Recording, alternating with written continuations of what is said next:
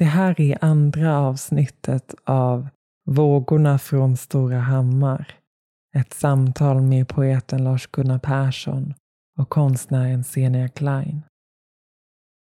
Det första avsnittet, om du inte redan har lyssnat på det, finns att hitta på samma plats där du har lyckats hitta det här avsnittet. Båda avsnitten har skapats och producerats av mig, Senia Klein, för Konst i Blekinge-podden. Inom ramen för Artist in Retreat, en konstnärssamtals och konstevenemangsserie som jag drivit med stöd av Konst i Blekinge och Karlskrona kommun under 2019. Jag vill också rikta ett tack till Blekinge museum och tipsa alla som lyssnar om att ta en titt på min hemsida seniaklein.com.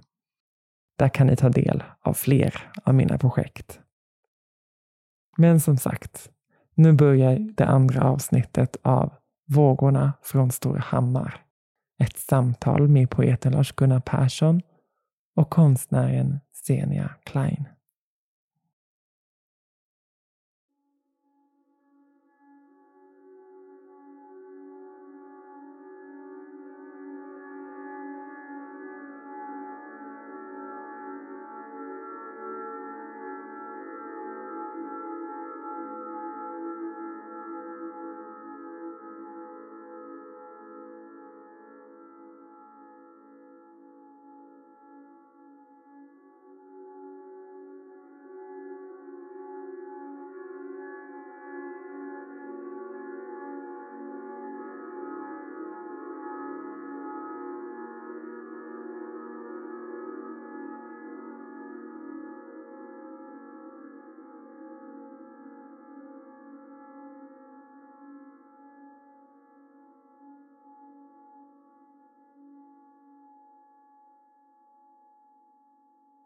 Stora Hammar är en, en återkommande plats i dikterna eller motiv eller kraft som genomsyrar dem.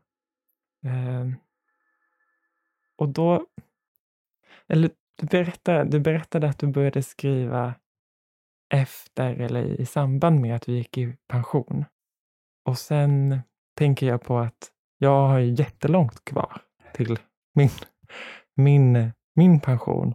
Och samtidigt sitter vi här båda på Stora Hammar i din veranda och pratar om skrivande och pratar om Hammar. Jag har bott här i ett, eh, ett år nu, i alla årstider då, och försökt skriva och försökt skapa och försökt vara med och i den här platsen. Och jag har gjort det lite trots det mesta, för jag har inte bil och så det är lite styra upp och jag är bara intresserad av du som är postpension. Hur, vad du liksom tänker om det. Jag tycker du är väldigt modig som uh, prövar det här sättet att leva. Um, och, och, det, eh, att, att, um, att vara konstnär som du är, det är ju um, på ett sätt uh, kommunikativt om något. Men jag kan tänka mig att det också är ganska ensamt. För um, det man försöker säga uh, kan man egentligen bara, som jag tänker mig, formulera um, i relation till den man är och där man är. Och sen är det bara att hoppas att, att det på något sätt hittar um, fram till andra människor. Men det kan man nog egentligen aldrig veta medan det pågår. I alla fall inte inledningsvis.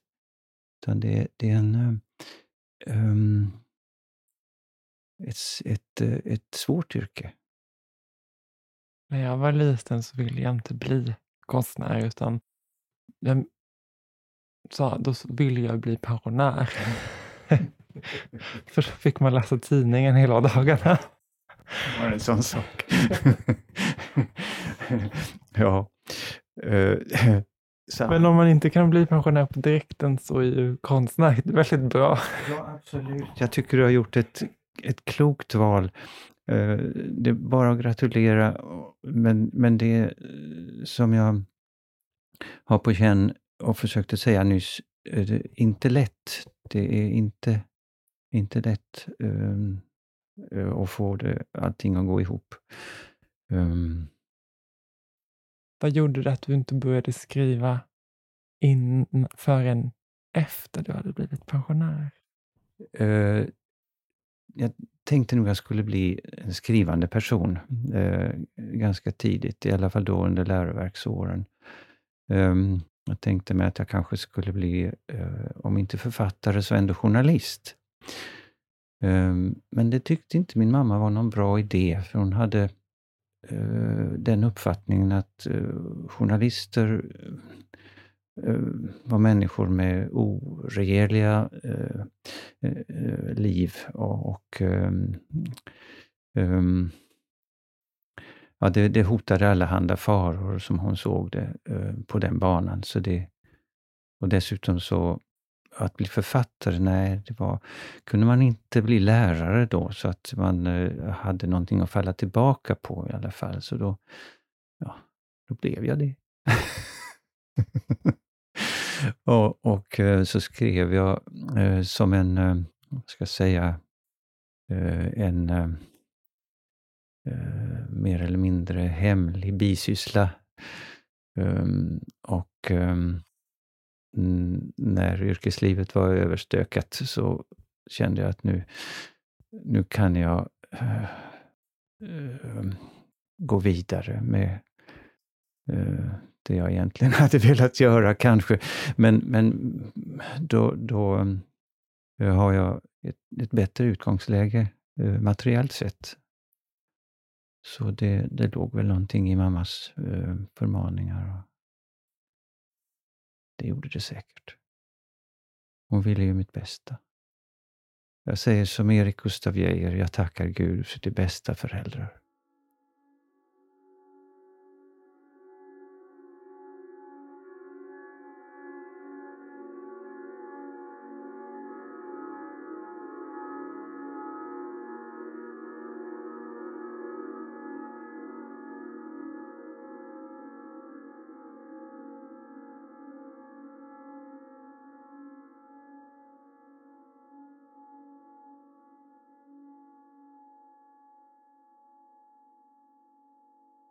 I, I dina dikter, som, vi har kommit, eller som jag har kommit in lite på, så, um, så är det här att, eller jag vet inte om det är så, och det kanske man inte kan veta, men hur det är ett pendlande mellan positioner eller ett brottandes med sorgen och pendlande och brottandes med Gud och med platsen och med Fadern vilken fader det nu än är. men, eh, men så får det mig att tänka på, eller kan jag spegla mig i det och, och hur jag brottas med den här platsen, mm. fast på ett annat sätt. Eh, för det skulle vara, eller jag tänker att det självklara för mig skulle vara att bo i, i staden, mm. i en stad. Mm. Eh, men det är som att jag vill visa för mig själv eller för ödet att det går att bo här. Åtminstone under en längre period. Mm, mm. Eh, och att eh, jag får ju knappt fysisk plats. Det är så himla lågt i tak i mitt hus att jag går upp många rum så får jag gå hukad. Men det blir som att nej, det ska inte... Jag ska bo här ändå. Kan du, eller vad tänker du om spänningen mellan att få plats, ta plats och att inte få plats? Man, man, man har ju en plats eh, redan genom att man är född. Um, och att, um, att, att det inte är en självklarhet för alla är, är lite, lite, lite synd. Um, men uh, det är väl så vår tillvaro är inrättad, att man, att man på något sätt måste uh, markera att uh, det som är ens uh, självklara rättighet ehm, bara genom att man är född också måste um, hävdas på något sätt och, och uh, intas. Um, det har ju att göra med, med vår, våra möjligheter att, uh, att bli de vi har potential att bli. Att, att vi också att vi finner uh, en jordmån där vi kan utvecklas på bästa sätt. Och då tänker jag på eh, rotslagningen, att, att slå rot, att, att få um, att hitta eh, en plats. Och det är lite paradoxalt, för vi är ju inte här för att stanna, men vi måste ändå göra det bästa vi kan av det liv vi har fått. Och då, det behöver vi ju hjälpas åt för att uppnå. Och det enligt min uppfattning vad ett samhälle är till för. Att, liksom, att vara den ömsesidiga hjälp människor behöver för att kunna leva sina liv. Sen höstkväll vid Hallarumsviken. Solen sträcker över vattnet sin trötta båge. Kala grenar spe, spretar i gult ljus. Dagen tömmer sig ljudlöst i nattens kropp. Stjärnorna söker förgäves ögon att spegla sig i. Snart släcker natten de ensammas krumma blickar. Bara mörkret kramar den som söker en famn. Dimman rullar in från havet. Ända hit hörs mistluren böla från utlängan.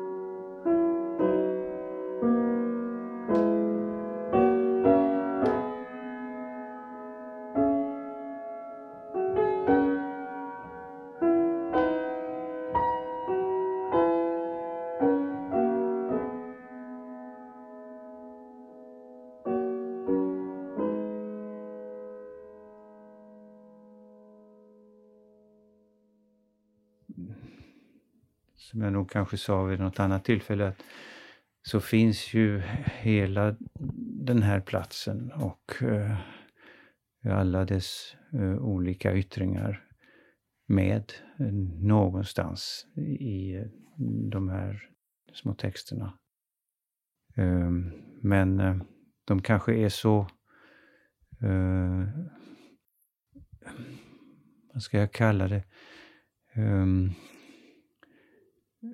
så metaboliserade eller så, så omvandlade, så eh, nästan intill oigenkännlighet och, och namnlöshet. Men de, de finns där eh, som en eh, sorts undertext mellan raderna eh, av, det, eh, av det skrivna.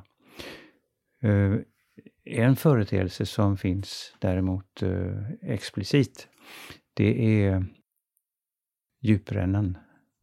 Du skriver om det i Vertroven, ja. va? Mm. Ja, det är där den nämns.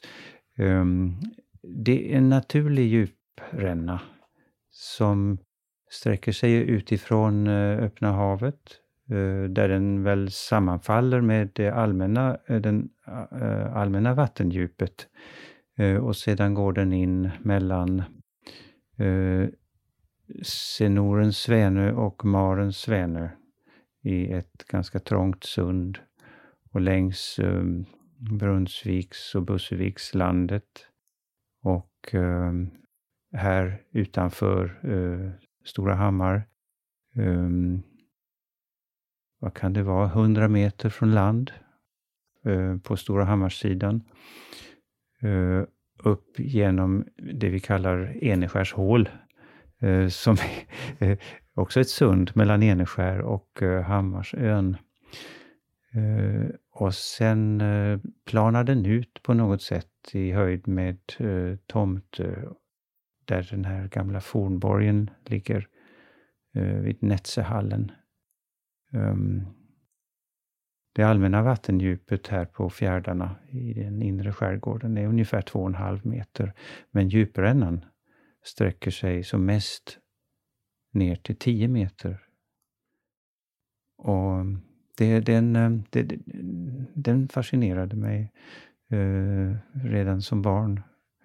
Eh, det var en speciell upplevelse eh, då när jag som lite äldre fick eh, följa med min far på fiske. Han lärde mig bland annat sätta flundregarn.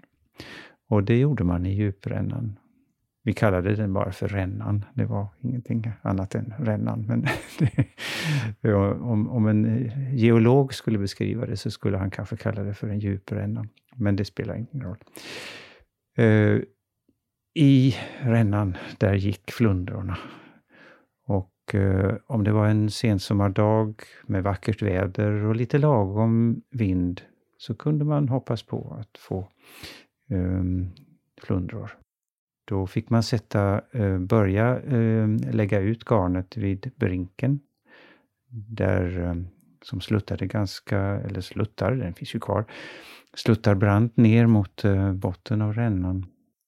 Man fick känna sig för med garnastaken och eh, placera den då eh, efter att ha bundit fast nätets ena ände eh, i den. Så fick man placera den precis eh, vid brinken så, så att den stack upp synligt men inte för långt ut så att den var för kort eller för, för, för långt, för nära land, utan precis rätt. Och sen la man ut sitt plundregarn och i andra änden, där eh, fanns det inga garnastakar som nådde botten. För då var man någonstans mitt ute i, i, eh, i den här, vad kan det vara, cirka 50 meter breda rännan. Så då fick man ankra nätet, eh, garnet där med eh, en sten och eh, ett snöre som gick upp till ett flöte på vattenytan. Och sen så fick man önska god tur. Det gjorde man genom att säga tvi, tvi, tvi och så spottade man på, eh, på, på, på, på flötet innan man släppte det i vattnet. Så, så havsfrun skulle vara en nådig, kanske? Ja. Eller något. Ja. Eller ett lyckosamt tretal av något slag. Ja. Mm. Jag har du varit på Tomte? Uh, vi brukar ta promenader dit ibland, uh, uh, särskilt min yngste son och jag. Ehm, det är ett litet äventyr bara att ta sig dit någorlunda torrskodd. Man får ha stövlar med höga skaft och det får vara lågvatten helst. Då tar man sig över mellan Hammarsön och Romsön eller Tomtö. Och sen får man se upp för, med vildsvin numera. Det behövde man inte förr i världen. De tycker om att vistas där. På tomta? Ja. Jag har fått för mig att det råder en förbannelse över tomta ja.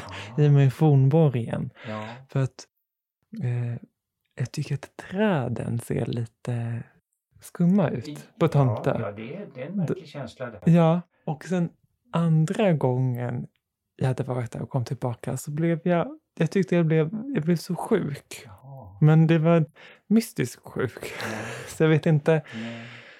Men äh, ja, alltså det, det är en märklig äh, eh, känsla, kan man väl kalla det. En, en, en atmosfär, en, en lite speciell... Eh, ja, någonting... Jag tror det är så med, med, med, vissa platser med stark historisk förtätning. Då, då är man känslig så kan man uppfatta uh, att, att det att det, det, det, finns en efterklang av händelser för länge, länge sedan som, eh, som, kan, som man kan förnimma utan att kunna säga att det luktar något speciellt eller uh, låter eller med andra sinnen eh, konstatera att det är någonting. Utan man tar in det på något sätt på en annan kanal. Um, jag vet att eh, när jag växte upp så kallade man den där klippan eh, som vetter mot eh, Hallarumsvikens eh, norra ände, den avslutande spetsen uppe vid Hallarum, ehm, för borgen. Eh, man talar inte om fornborgen utan det var borgen. Och jag vet att jag, jag var där ibland ehm, jag letade efter denna borg, men jag hittade aldrig någonting annat än denna klippa. Samma här! Jag har varit där och letat och jag hittar aldrig den här borgen. Nej. Har du hittat den sen? Nej, jag har aldrig hittat den. Jag ger dig ett tips. Uh, för att vid foten av den här höga klippan, på den här sidan, alltså på sydsidan av klippan, där kan man tydligt urskilja ett jättestort stenröse som inte bara eh, naturen har åstadkommit. Eh, den kanske har eh, lagt grunden, det vet vi inte, men, men där finns, tror jag, de resterna av försvarsanordningen mot, det, mot söder. Att, att där, har, där har funnits en mur helt enkelt som har rasat ner och och idag eh, ser ut som ett stenröse om man inte vet att det har funnits något annat där en gång. Jag läste, ett, undrar om det var på Blekinge, någonstans på Blekinge museum eller någon mm, skylt mm, någonstans i mm. bygden. Ja. Det finns ingen skylt där. Men att de här fornborgarna, att den är en av dem som var öppna för folk som bodde i trakten att fly till. Ja. Och då tänkte jag att, att, då, att det är säkert, det finns mycket rädsla ja. samlat på då den ön.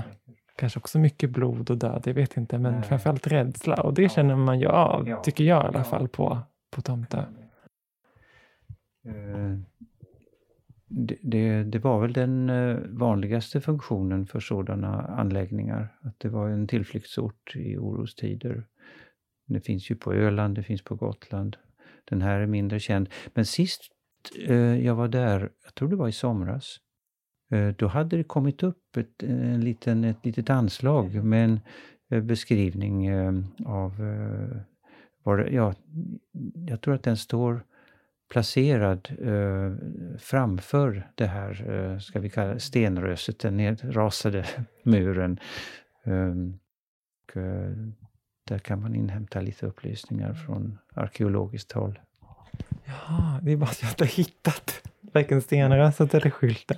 Det är också roligt att de har satt upp en skylt ja. på den ön, för den är ju lite otillgänglig ja. i och med att man måste vada eller ja. ha tur. Eller komma med. Eller komma med båt. Ja, det går ju också. Jag har som en liten bonus, men jag vet. Mm, det kanske kan vara ett bra avslut. Jag vill ändå läsa upp någonting mer av dina dikter. Ja. Men jag har liksom gjort, jag har ju ur, per i, ur i Pärlja ögats ljus, så har jag valt ut några rader ja. som slog an någonting i mig extra mm. starkt. Mm. Så de har jag skrivit här på lite lappar. Så tänker jag att, att du får dra en lapp, så kan vi liksom analysera den raden lite extra djupare som ett avslut. Så gör vi. Nu drar jag den första. Spännande. Vem kan läsa med ögon av aska? Den, eh, det är en lite längre dikt som ehm, eh, jag vet inte hur jag ska säga, men, men den, den, den börjar, allt är skrivet inom parentes. Uh, utom uh, den inledande och avslutande raden. Och uh, någonstans så har jag något Eh, ord ifrån Saltaren i Bibeln eh, i, i, i eh, åtanke. Uh, Allenast i Gud har min själ sin ro. Och uh, allenast i Gud är de inledande orden, har min själ sin ro, är de avslutande orden. Och mellan dessa båda um, uh, citatdelar Eh, så utspelar sig hela den här texten där bland annat denna rad ingår. Ja, det, det är en sorts uppgivenhet inför um, människans oförmåga att hålla sams, uh, att, att samarbeta i, i, i mer än uh, små grupper som uh, Eh, konkurrerar med varandra.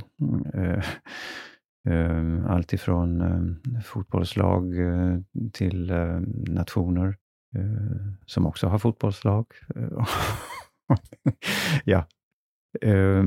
Inget ont om fotboll. Jag tyckte mycket om fotboll när jag var ända fram till 12 år och, och när mitt liv tog en annan vändning. Ehm, Ska vi dra en till? Det gör vi, absolut. Här kommer nästa. Kanske jättefånig idé som jag har kommit på, men jag tänkte det var lite roligt. Absolut inte. Uh, I ett brustet öga speglas världen.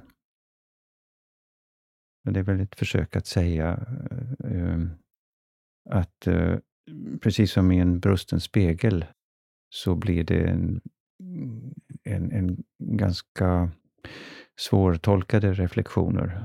Och ett brustet öga uh, har inte heller den enhetlighet och klarhet som, som kanske skulle behövas och som är önskvärd. Men det är också ett faktum ibland att, man, att det är på det sättet. Ja, då tar vi den sista. Mitt livs landskap, den avkrok av det krökta universum. um, och det, det, är ett sätt att positionera sig uh, mitt i livet ungefär. Um, så här ser det ut. Uh, här är jag. Um, och här är alla de andra och vi bor här i, en, i utkanten av en galax eh, som är en av oöverskådligt många. Och ja, Det är en så otrolig förmån att eh, få bli gammal. Och att på något sätt ha möjlighet att integrera alla sina åldrar i en och samma kropp. Det är ett stort projekt. Och, ehm, men det, det är värt att, att, att ehm, befatta sig med. Ehm, man, eh, man har inte den chansen förrän man har fått alla de här åren på nacken. För man har, ja, livet är en orepeterad föreställning. Det är en, en resa som vi inte har gjort förut. I alla fall inte i, på de här premisserna som vi sitter med här i den här kroppen. Um, men att, uh, att, att få försöka pussla ihop um, barndomen, ungdomen,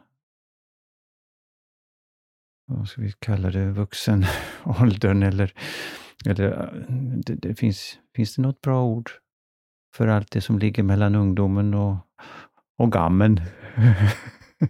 livet tänkte, tänkte jag säga, men det är det ju inte alltid livet. Det är alltihop. Men, men eh, ja, det, det är som alla de där eh, vuxenåren som, som ju utgör huvuddelen av, av vår tid, men som ändå på något sätt eh, som, som är eh,